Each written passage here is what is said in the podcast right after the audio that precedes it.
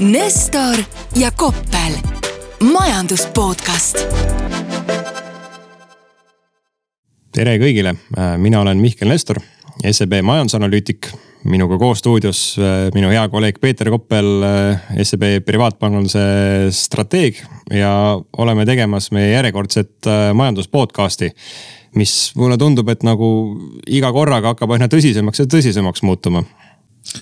tõepoolest, et kui me eelmine kord olime selline, sellises võib-olla äh, natukene joviaalsemas meeleolus ja tegime keelpõses nalja, siis tundub, et seekord on asjad naljast kaugel. jah, aga noh, millest meil ikka rääkida on, et äh, räägime, räägime sõja mõjust majandusele, et seda siis nii globaalsetel finantsturgudel Venemaal kui tegelikult siis meil endal Eestis, et kuidas see kõik Eesti majandust mõjutama hakkab aga kui, kui hakata võib-olla nagu kaugemalt pihta, et noh, Peeter, kuidas viimased nädal aega, kuidas sa oled aega veetnud, et äh, mis turud teevad? Äh, turud on erakordselt närvilised ja võib isegi öelda, et kui me vaatame näiteks aktsiaturge, siis äh, see reaktsioon kuni siiamaani ei ole olnud, ei olegi olnud nii dramaatiline, sellepärast et mulle tundub, et nad aktsiaturud kipuvad seda üldist pilti vaatama nii-öelda duaalselt võib-olla või, või, või binaarselt või et kui läheb suuremaks madinaks, siis nagunii ei ole ju vahet, äh, mis sul seal portfellis on. kui suuremaks madinaks ei lähe, siis kehtib selline noh, võib-olla tavapärane või selline makrokeskkond, millest, millest, millest aru saadi ja need positsioneeringud on ikkagi sellise tavapärase makrokonteksti omad. et äh, hoitakse aktsiaid, istutakse ja kannatatakse. väike erinevus on Euroopas, sellepärast et Euroopa on ilmselgelt äh, probleemile kõige lähemal, nii nii-öelda geograafiliselt, füüsiliselt kui äh, ka need majandussuhted äh, Euroopa ja siis agressori vahel on ilmselgelt nagu kõige, kõige suuremad ja kui me nüüd arvestame, et mingisugused ärisuhted on täiesti katkenud, kui me arvestame seda, et mingisuguste varade väärtus on täiesti nii-öelda null. Äh, millel see väärtus veel tegelikult äh, noh, kuu aega tagasi oli täitsa olemas, siis ilmselgelt on see tekitanud probleeme ja ilmselgelt on igale poole jäänud sellised augud ja niivõrd suured augud, mida sisuliselt mitte keegi veel mõnda aega tagasi ei eeldanud. vahepeal oli siin äh, selline uudis, et äh, kuskilt äh, ETF-idest visatakse Venemaa aktsiad välja, et mis on siis arenevatele turgudele keskendunud ETF-id, et äh, sealt siis noh, kuna, kuna Vene aktsiaturgu enam pole olemas, et visatakse need välja, et kas sellel on nagu mingi tegelik mõju ka või nad on nii minimaalsed seal olnud või et see ei mõjuta? no Venemaa aktsiaturg on iseenesest olnud ikkagi selline suhteliselt marginaalne nähtus, et arenevate turgude indeksist on kuskil mingi üle kolme protsendi. et et noh, arenevate turgude indeks kaotab siis see kolm protsendikest ja noh seega see, see mõju ei ole nii suur. mis on problemaatilisem, on see, et ju eksisteerib ka igasuguseid erinevaid otse äh, Venemaale investeerivaid fonde ja noh, kui, kui selle osakaal on siis nii-öelda Vene, Vene turul näiteks Kesk- ja Ida-Euroopa suunalises fondis nagu suhteliselt suur, siis äh, sellel fondil oli ilmselgelt probleem noh, aga ütleme, et kõik, mis on toimunud aktsiatega, et äh, on köömes vist sellega võrreldes, mis toimub toorainetega, et mul ainus number, mis mul endal praegu meeles on see, et äh, nisu hind on meil siin nädala aega nagu viiskümmend protsenti kasvanud, mis äh, võib mõnel pool kõhud lõpuks tühjaks jätta, aga ega see vist kehtib kõigi, kõigi toorainete puhul, eks? No põhimõtteliselt noh, jällegi minul see peamine asi, mis mul ekraanil on, on nafta. Ja nafta on läinud sisuliselt otse ülesse. loomulikult on otse ülesse läinud ka maagaas ja arvestades sellega, et, et nii Venemaa kui siis Ukraina on äh, viljaeksportöörid, Venemaa ka väetise eksportöör. siis ja noh, need mahud, mida nad tegelikult ikkagi ekspordivad, on väga suured, siis tõepoolest põllumajanduslike toormete hinnad on läinud üles nagu raketid. ja selles mõttes see on ilmselgelt äh, selline probleem, mis tegelikult on, on globaalsem. sellepärast, et kui viimati toiduhinnad väga järsult tõusid, siis järgnes selli-, sellele selline äh, protsess nagu Araabia kevad, ehk siis see konflikt, mis on, eks ole, Euroopas, mõjutab tegelikult äh, hindu globaalselt ja võib esile kutsuda äh, pingeid sellistes piirkondades, mida võib-olla praegu isegi ei, ei osata hinnata, sellepärast et toidu hinna niivõrd järsk äh, kallinemine on midagi sellist, mis ilmselgelt võib tekitada poliitilist ebastabiilsust väga kummalistes kohtades no loodame, et need on siis äh, Venemaaga piirnevad äh, alad, kus see ebastabiilsus tekib. aga veel selline nagu põnev uudis, mis minule silma jäi, oli see, et me räägime, et nafta hind on väga kalliks muutunud. aga Venemaa enda nafta nagu on, tuleb juba nagu puhta muidu kätte, et keegi ei julge seda lihtsalt laeva peale võtta keegi ei taha seda osta, see on selline isetekkeline embargo, et nad üritavad seda müüa mm, siis benchmark'i suhtes kuskil kahekümne protsendilise allahindlusega, aga keegi eriti võtta ei taha on küll äh, olnud ettevõtteid, kes on seda ostnud ja loomulikult nende ettevõtete peale on saadud suhteliselt äh, pahaseks ja. ja ilmselgelt on hakatud neid ettevõtteid äh, vähemalt sotsiaalmeedias häbimärgistama. ja ma ütleksin, et suhteliselt arusaadavatel põhjustel tegelikult aga maagaasi kohta kuskilt käid ka nagu info läbi, et tegelikult on tarned Euroopasse isegi suurenenud, et täpselt ei teata, et mis see põhjus on, et kas siis üritatakse mett moka peale määrida eurooplastele või on see, et lihtsalt, et näiteks Ukrainas keegi enam gaasi väga ei tarbi, et on lihtsalt situatsioon selline, et kõik, kõik poed on nii-öelda kinni? noh, mingi uudis küll tuli selle kohta, et äh, vähemalt Saksamaale liikuva gaas ühte juhet pidi, et seal on, on äh, kraani kallal käidud ja seda on, kraani on selgelt ka koomale tõmmatud. aga seda küll, et äh, siiski kui, kui nafta osas keegi ei taha tegelikult või keegi noh, ütleme kaks kolmandikku äh, osalejatest ei taha enam mm, agressori suunalt pärinevat naftat vastu võtta, et siis äh,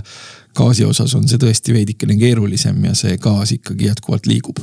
Sa tõid muidugi siin vahepeal sisse selle, et äh, me ei tea, kuidas need toiduaine hinnad mõjutavad poliitilist ebastabiilsust äh, maailmas laiemalt aga noh, minu üks sihuke hirm on olnud ka see, et eh, kui nüüd peaks ka pikalt kestma jääma see tooraine hindade väga kõrge tase.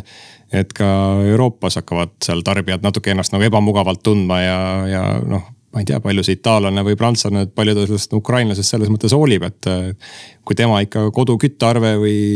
bensiin tanklas väga kalliks läheb, et mõtleb, et noh, tead. las nad, mis Venemaa, Ukraina, mis seal suurt vahet on no see risk on jah, paraku suhteliselt reaalne, et, et see poliitiline rahulolematus äh, kasvab, kasvab nii-öelda käsikäes kasvavate hindadega. samas äh, Venemaal poliitiline rahulolematus nagu kuidas siis ennustad, et äh, hästi sellised dramaatilised pealkirjad on sellest, kuidas nagu Vene majandus kukub kohe kokku ja nüüd on nüüd kõik läbi nendega, et ma ei tea, mis sinu nagu positsioon on, et ma, ma ise nagu olen natuke skeptiline, et vaadates seda Vene majandust, et noh kui me räägime näiteks noh, eksport-import seal, et äh, suur on ju maagaasi, naftat äh, eksportiv riik. tegelikult, kui sa vaatad, kui palju siis äh, see suur eksportiv maa väidetavalt, et kui kui suur see eksport näiteks nende SKP-st on, umbes kolmkümmend protsenti. võrdluseks Eestis see on nagu sihuke kuskil seitsmekümne, kaheksakümne protsendi vahepeal olnud ja, ja kui kolmkümmend protsenti sellest on siis äh, SKP-st on eksport, siis selle korras, sellest omakorda valdavalt on tegemist nende samade energiakandjatega, noh, mis mulle tundub, et paratamatult need keegi nende käest sealt lõpuks ikkagi ära ostab. ehk siis, et tegelikult ilmselt see väliskaubanduslik löök nüüd väga suur ei ole, et hea küll, et ma olen nüüd selline Moskva ja Peterburi keskklass, et et äh, nüüd, kui mina enam nagu ei saa välismaale minna, kuna rubla on muutunud äh, väärtusetuks teiste valuutade suhtes, et jah, et minu elu seal võib-olla läheb äh, halvemaks, aga üldiselt nagu keskmine venelane, ütleme seal kuskil Irkutskis, et ta ei pruugi isegi tunda äkki seda, et mingisugune majanduskriis on käimas. tõepoolest, et see on esialgu vähemalt linnade probleem. kui me seda Venemaad üldiselt vaatame, siis paraku on see ikkagi nagu teatud kontekstis linnadest kaugemal suhteliselt vaene ja kui me mõtleme kasvõi toiduhindade tõusule, siis äh,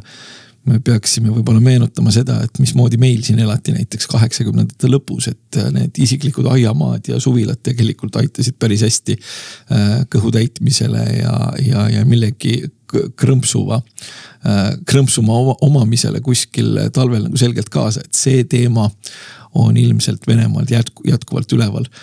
mis puudutab, ütleme sellist veidikenegi, veidikenegi pikemat perspektiivi, siis neid kohti, kus see Äh, majandus või, või, või kogu see majanduse struktuur ikkagi nagu lagunema kipub. või, või, või, või sellist taandarengut teeb, et neid on ikkagi nagu suhteliselt palju, et noh, lennundusest on siin räägitud. ja kui me nüüd vaatame, et palju ettevõtteid on otsustanud sealt lahkuda, siis tuleb ju mõelda ka sellele, et need ettevõtted on, nendel ettevõtetel on seal toodangut, mida nad on müünud ja kui nad seda toodangut näiteks edasi ei teeninda. ma ei absoluutselt ei alahinda seda, et, et tavaline vene tööinimene, noh näiteks automehaanik on, on suhteliselt, võib olla suhteliselt leidlik. aga just nimelt ütleme sellise intellektuaalse omandi või intellektuaalse teadmise väljaliikumine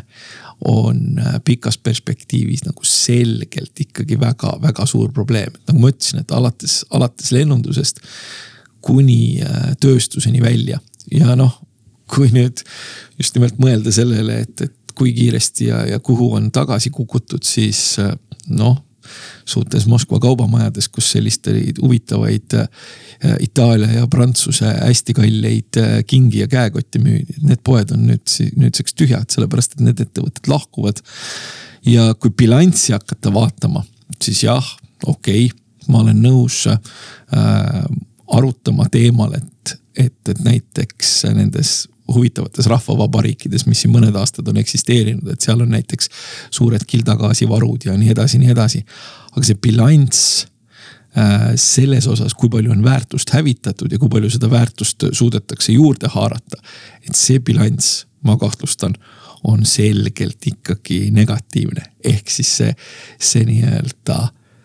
varanduse või loodud majandusliku väärtuse hävitamise mastaap on täiesti hoomamatu aga no mulle tundub, et äh, Venemaal ikkagi noh, sellist tõesti majanduslikku kollapsi põhjustada, et selleks me peaksime äh, nagu piiri nagu päriselt kinni panema, et sealt ka nagu gaas ja nafta üle ei liigu, aga noh, vaadates nagu uudishoogu, et mulle see nüüd liialt realistlik ei tundu või noh, sellest ainsana räägib siin USA, kellel ei olegi seda Venemaa naftat kokkuvõttes tarvis. No ameeriklased on importinud Venemaa naftat küll päris palju, aga nüüd äh, tundub, et nad ikkagi üritavad selle, selle hoova ka kasutusele võtta ja noh, selle hoova kasutusele võtmine tähendab seda, et kui nad siin vahepeal olid äh, poliitiliselt äh, nii-öelda kohaliku tootmise kontekstis nagu suhteliselt äh, sellised äh, noh, pahurad, et, et neile eelmise administratsiooni poliitika energiasõltumatusest ei meeldinud, siis nüüd ilmselt paistavad, sealt puhuvad veidikene, veidikene teised tuuled. et siin ei, ei ole liiast öelda, et, et arenenud maailm tundub olevat nagu Maslow püramiidil paar astet allapoole kukkunud ja sellised noh, vahetud roheunistused kipuvad lükkuma noh, selgelt kaugemale tulevikku. jah äh, noh, kui seda juttu nüüd siin globaalsel tasandil oleme rääkinud, et kui, kui tulla nüüd nagu Eestile lähemale, et siis äh, täna salvestame seda oma podcast'i seitsmendal märtsil, esmaspäeval ja täna tuli just välja siis äh, viimane Eesti inflatsiooninäit veebruari kohta, kaksteist protsenti. ja noh, kui, kui mina mõtlen nagu sellele, mis meil tulevikus võib oodata, siis tundub, et äh, hetkel oli veel nihuke väikse numbriga tegemist, et lihtsalt puhtalt sellepärast, et äh, Eesti, Eesti tarbijahinnaindeksist rohkem kui kolmandiku annab siis energia ja toidu, toiduained, mis, mis on need täpselt need kaubaliigid, mis on praegu nagu oluliselt kallinemas. ehk siis noh, tundub sihuke, et oleme nagu inflatsiooni poolest jõudmas tõelisesse nagu arengumaasse, et kus ongi pidevalt kahekohaline inflatsiooninäit. see on jällegi mm, selles mõttes traagiline, et äh, kui sellised asjad juhtuvad, siis ei ole midagi muud öelda, kui üha rohkematel inimestel on äh, raha lõpus liiga palju kuud äh, järel ja seda vaatamata sellele, et, et majanduskasv on hea ja majanduse tervis vähemalt kuni eelmise nädalani oli ka vist päris hea ja et äh, eelmine nädal meil tuli ka muuseas siis äh, neljanda kvartali skp numbrid eelmise aasta kohta. et noh, mis on siis kõige viimane info selle kohta, et kuidas Eesti majandusel läks ja ja kaheksa koma kuus protsenti skp kasvu, et äh, see ikka oli üle kõvasti üle minu ootust, et see noh, näitab seda kokkuvõttes, et majandusel hoog oli väga kõva sees. ehk siis nüüd on näha, et kui palju siis see konflikti puhkemine seda hoogu suudab maha pidurdada kuidas meil selle palgakasvuga lood on, et kas meil on reaalpalga kasv jätkuvalt positiivne? Ehm, vaat ma kipun kahtlema, et mis meil selle aasta lõpus kokku tuleb, et muidugi ma selle inflatsiooni juurde lisaks ka selle, et noh, tarbija indeks mõõdab siis seda, et äh, kuidas siis reaalselt, et muutuvad inimeste kulud, kes siis nagu iga kuu oma nagu raha peavad äh, rahakotist välja maksma. et kui meil siin valitsus otsustab äh, pikendada mingisuguseid energiakompensatsioone ja kõike seda, et see mõjutab loomulikult seda inflatsiooni ka. et, tegelikult noh, riigil on nagu võimalik vähemalt põhimõtteliselt inimesi nagu säästa sellest suurest hinnatõusust läbi erinevate selliste mehhanismide. aga noh, kellele see ilmselt ei laiene, on nagu ettevõtted ja noh, siin on palju räägitud näiteks nüüd, et äh, väidetavalt siis meie regioonis põhimõtteliselt kogu selline nagu metallisisend, igasugused rauast konstruktsioonid, mis me siin valmistame ja Põhjamaadesse müüme. et äh, näiteks see on sihuke ärimudel, mis mulle tundub, et on, on suremas tänu sellele, et kui, kui sealt ikkagi nagu tarneid Venemaalt äh, peale ei tule ei ole siin ka nagu midagi eriti kokku keevitada ja sinna Skandinaaviasse müüa. ehk siis tegelikult jah, et ettevõtete jaoks võib see võib see hinnatõus olla veel nagu oluliselt traagilisem, kui ta tegelikult tarbijate jaoks on, et äh, keda, keda riik ikka proovib kuidagi natuke säästa. Mm, kuidas puiduga on? sellepärast ma olen aru saanud, et äh, Venemaalt tuli tegelikult meie ümbertöötlejatele päris head puitu, et selline külmas ja aeglaselt kasvanud hea kõva, kõva kraam ja et umbes äh, pool sellest saematerjalist, mis siis on Eestisse üldse nagu imporditud eelmisel aastal, tuli Venemaalt aga noh, siin äh, loomulikult, et äh, konkurents kindlasti selle sisendi peale nüüd tugevneb. aga noh, hea asi on ju see, et see on midagi sellist, mis meil Eestis kasvab, et kui, kui puit läheb kallimaks, et raha jääb nii-öelda Eestisse sellisel juhul. et mina arvan, et noh, puidu, puidu erinevate töötlejate puhul see võib-olla see nagu kriisi mõju ei ole nagu niivõrd dramaatiline, et noh, see on ikka selline kodumaine tooraine, et see palju ei mõjuta aga noh, võib natuke liialdan, palju ei mõjuta, mõjutab ikka, aga, aga et see ei ole nagu draama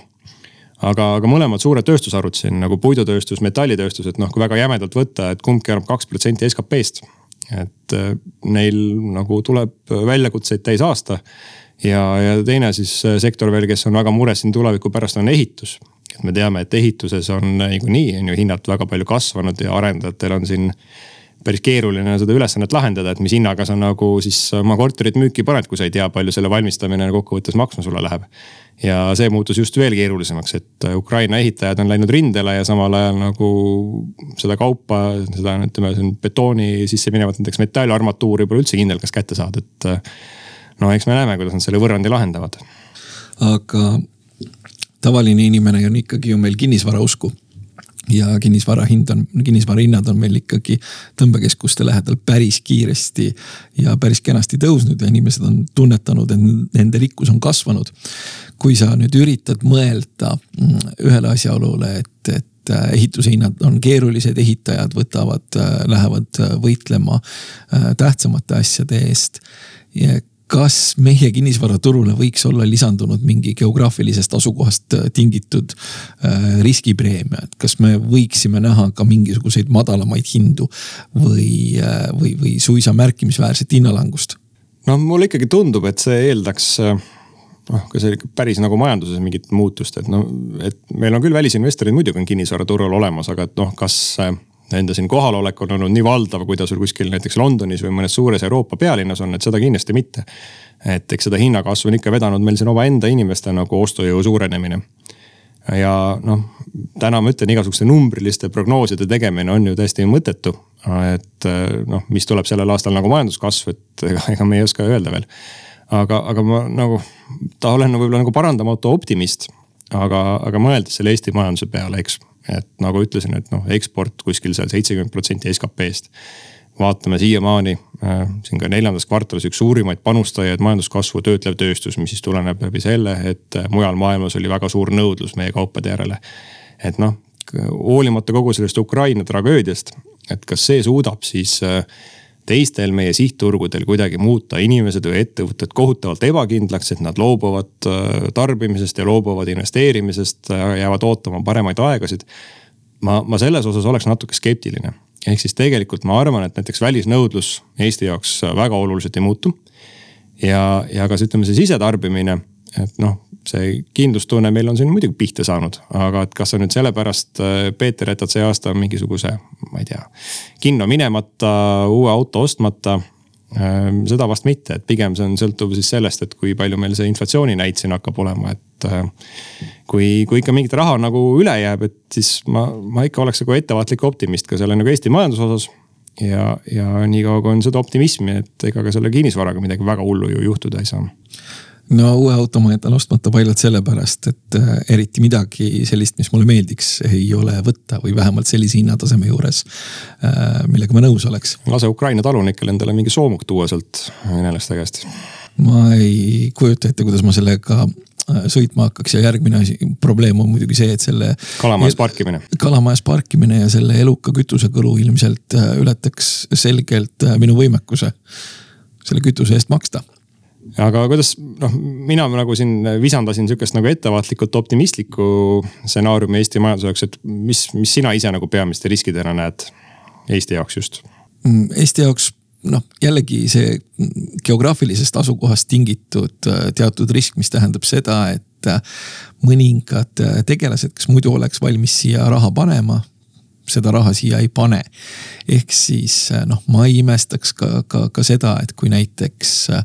mingisuguste startup'ide puhul kellel on tegelikult raha kaasamine olnud väga lihtne. Äh, eeldatakse seda, et nad võib-olla viivad ellu oma mõtet kuskil natukene sellises kohas, kus võib-olla selle agressori piir nagu nii, nii, nii lähedal ei ole. et selline, selline probleem näiteks teoreetiliselt võib tekkida. Mm, ja mis puudutab, ütleme seda sellist välisnõudlust, arvestades sellega, et me ikkagi oleme ekspordipõhine majandus, siis noh, sellega võib olla natukene keerulisem ja natuke keerulisem sellepärast, et kui ma vaatan seda äh, nafta hinna tõusu aasta algust al,, algusest, siis äh, jällegi, ega siis ajalugu ei pruugi korduda, aga riimi kipub ta ikkagi minema. Ehk iga kord, kui on nii kiirelt Äh, nafta hind tõusnud viiskümmend protsenti, siis sellele on kippunud järgnema majandussurutis. Ja kui meie peamistel ekspordipartneritel on surutis ja arvestades, et meie majanduskasv kipub olema, eks ole, funktsioon meie peamiste ekspordipartnerite majanduskasvust, siis äh, noh ma ei saa öelda, et ma oleksin nüüd täiesti pessimistlik, aga natukene mures olen küll, võib-olla natukene rohkem mures kui sina. Äh, investeeringute koha pealt muidugi noh, ma ei tea, ega mina, mina ka ei tea tulevikku, aga ma nagu meelega võib-olla vaidleks sulle vastu, et kas needsamad need startup'id, kes on olnud siin kõige edukamad selle raha kaasamise peal puhul. et kas see neid nagu see geopoliitiline risk nagu väga huvitab, sest et äh, noh, kuhu nad selle raha panevad, nad panevad selle inimestesse ja noh, siin inimesi on nagu oluliselt lihtsam liigutada kui mingit sihukest füüsilist infrastruktuuri et äh, võib-olla siin, äh, ma ei tea, vastselt Eesti turule tulnud poekett nagu võib natuke nüüd nagu kätt väristada, et äh, tegid just suure investeeringu, ehitasid siin mingisugused poed valmis, aga. aga maailmakord siin on natuke muutunud selle aja jooksul ja aga, aga selles mõttes jah, tõesti mõeldes, et just, et kus nagu need suured välisinvesteeringud viimasel ajal liikunud on ja kus see kõige rohkem nagu majandusele Eestis kasu on toonud, et pigem on see selline nagu immateriaalne vara, mis, mis äkki ei ole nagu niivõrd sõltuv sellest, et kui hull see naabrimees siin parajasti on jah, kuid mulle siiski meeldiks, et sellist äh, peaga loo, loodavat äh, nii-öelda kõrget lisandväärtust, et seda siiski tehtaks äh, siin. ja, ja selle eest saadavat tasu, et seda ka kulutataks siin, et see oleks, see oleks see, mille jätkumist ma tegelikult loodan ja pöid-, pöid-, pöidlad peos ootan ja, ja, ja, ja hoian aga see investorite selline hirmud, et et äh, kuivõrd need hakkavad nagu Balti börsil peegelduma, et kas meil on näiteks siin mingisuguseid suuri institutsionaalseid investoreid, kes on äh, näinud äh, Balti börsis sellist alternatiivset kiire kasvuvõimalust ja nüüd nagu on oma otsuseid ümber vaatamas?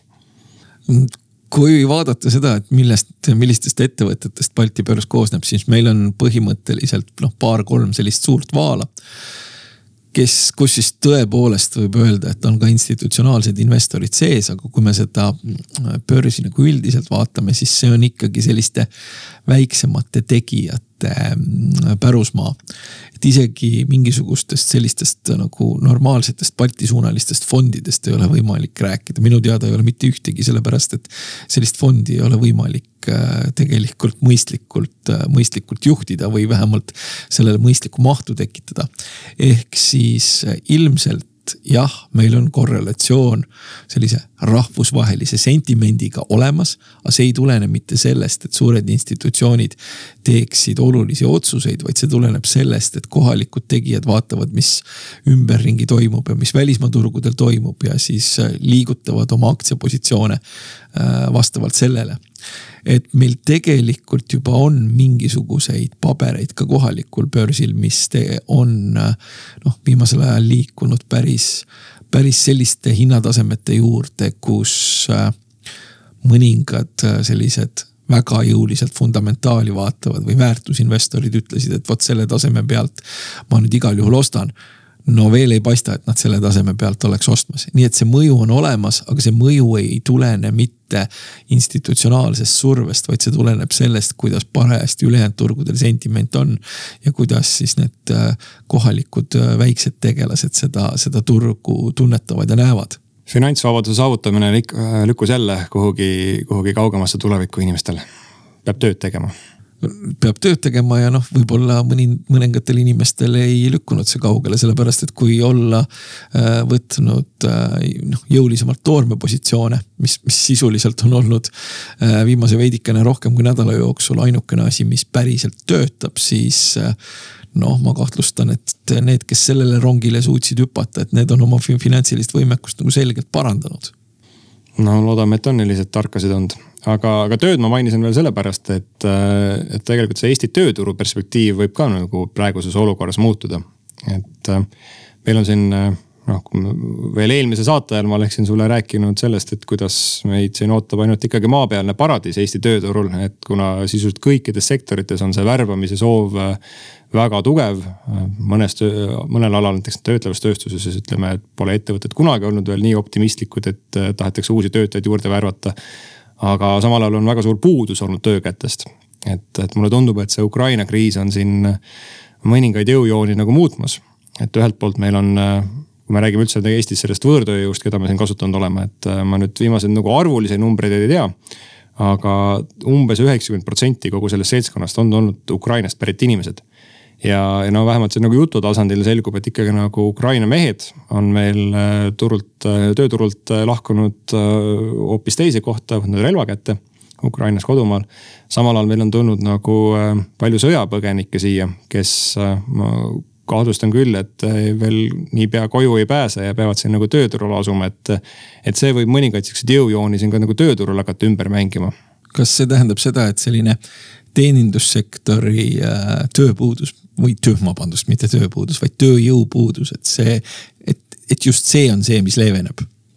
jah, ega see teenindussektor on muidugi nagu mitmepalgeline, et paljudel ametikohtadel on seal ka nagu eesti keelt tarvis, et ähm, selles osas ju leevendust nagu ei tule aga et noh, jah, et näiteks ehituses ilmselt muutub olukord palju hullemaks. kuna, kuna see on valdavalt nagu meeste poolt domineeritud tegevusala, noh samas Eestis töötlevas tööstuses tegelikult on päris palju naisi, et noh, näiteks täpselt seesama lugu, et töötlev tööstus on siin kogu aeg kurtnud, et neil pole töökäsi. Et äh, see võib mingis perspektiivis siin leeveneda ja, ja kui mulle tundub, et see nagu palgasurve on olnud äh, kahel pool et ühelt poolt nagu need siuksed äh, kõrgelt hinnatud IT-spetsialistid ja üldse sellised inimesed, kes, kes kuidagi suudavad turul siis eristuda oma oskuste poolest. et neil on olnud kõige paremad võimalused siin oma palga osas läbi, läbi rääkida ja teiselt poolt just see kõige madalam ots et äh, noh, kui siin jälle teed mingisuguse äh, poe juurde, et kuhu on vaja kiiresti sada inimest saada, et neid inimesi on ikkagi ainult nagu rahaga turu pealt püütud. et, et selles otsas jällegi võib siis nüüd see nagu pinge võib-olla natuke leeveneda jah, ja selles mõttes, et põgenike hulgas on igasugu, ilmselt igasugu huvitavaid tegelasi, sellepärast et ma näiteks äh, just enne lindistuse algust nägin äh, sellist huvitavat sotsiaalmeediapostitust, kus äh, otsiti tööd biostatistikule. Ja see on ikkagi ju lõppude lõpuks inimene, kes päriselt midagi oskab ja ilmselt ilmselt ma küll ei kujuta ette, et kuidas tal Eestis potentsiaalselt töö saamisega lood võiks olla, aga, aga kipub nagu sinnakanti küll, et noh, äärmiselt huvitavate ja maailma mõistes ka heas mõttes kallite oskustega inimene. ja nüüd on ta Eestis ja otsib siin tööd et järgmine kord, kui ma seda podcast'i teen, siis võib-olla mul on Peeter Koppeli asemel siin äh, mõni Ukraina nagu äh, finantsstrateeg äh, keeruline öelda, sellepärast et äh, kui sa ütlesid, et eesti keelt läheb teeni-, teenindussektoris vaja, siis mina mäletan kahe tuhande üheksateistkümnenda aasta kevadsuve, kus Kalamaja kohvikutes minu meelest eesti sellega nüüd väga hästi hakkama ikkagi enam juba ei saanud, et kippus sinna inglise keele poole peale. Aga seda podcast'i mulle tundub, tuleb ikkagi veel esialgu eesti keeles teha. kuigi nagu noh, mõeldes turu peale, siis Ukraina turg on ka muidugi suur turg, isegi sõjatingimustes Ukraina turg on suur turg, aga kui nüüd nagu mõelda investeerimise kontekstis, et äh, noh, siis ma hakkan mõtlema mingisugusele SKT-le per capita ja, ja leian, et mm, nad vist ei ole veel sellises kohas omadega, kus tekiks piisavalt palju sääste, et nendega, nendega võiks nagu riski võtta massiivselt jah, aga noh, saade meil oli selline üsna tumedates toonides, aga kuidagi nagu prooviks nagu mingisuguse positiivse sõnumi lõpuks leida, et, et vahel, vahel nagu selles kriisi algusfaasis nagu tundubki, et tulevik saab olema ainult nagu väga tume ja sünge. ja, ja loodame, et tegelikkus siis osutub natuke paremaks, kui, kui täna võib-olla ajalehe pealkirjast esmapilgul loed. Igal juhul ja Slava Ukraina. Slava Ukraina. Nestor ja Koppel, majandus podcast